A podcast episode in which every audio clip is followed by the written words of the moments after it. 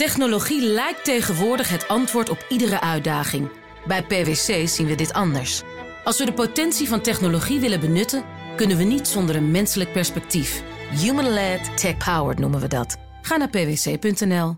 De column van Bernard Hammelburg.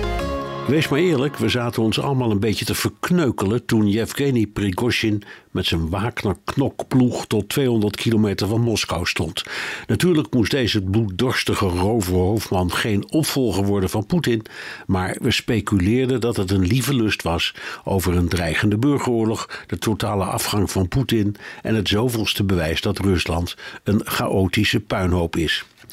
Zoals gebruikelijk bij tegenslagen voor Rusland gaat ons westerse wensdenken in overdrive.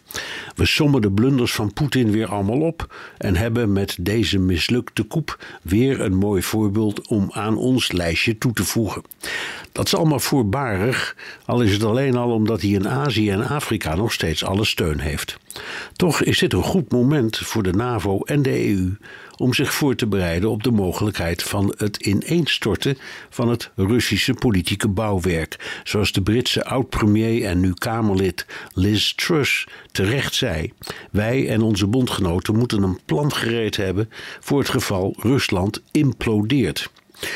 Natuurlijk is de vraag wie president van Rusland is een interne Russische aangelegenheid. Maar de Russische Federatie telt meer dan 100 nationaliteiten en etnische groepen, verdeeld over 85 gebiedsdelen, waarvan 22 republieken.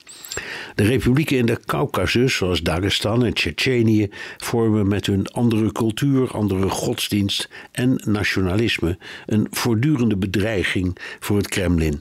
De mislukte koepoging van Prigozhin is een herinnering aan de krachten in de Russische Federatie die een implosie kunnen veroorzaken.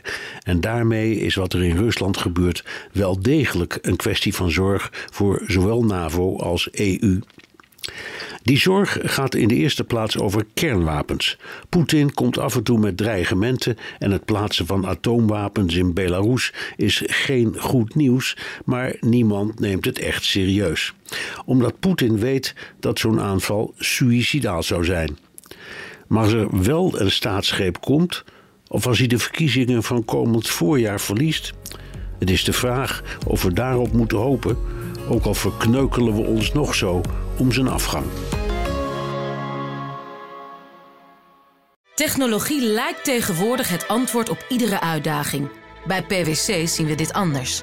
Als we de potentie van technologie willen benutten, kunnen we niet zonder een menselijk perspectief. Human-led, tech-powered noemen we dat. Ga naar pwc.nl.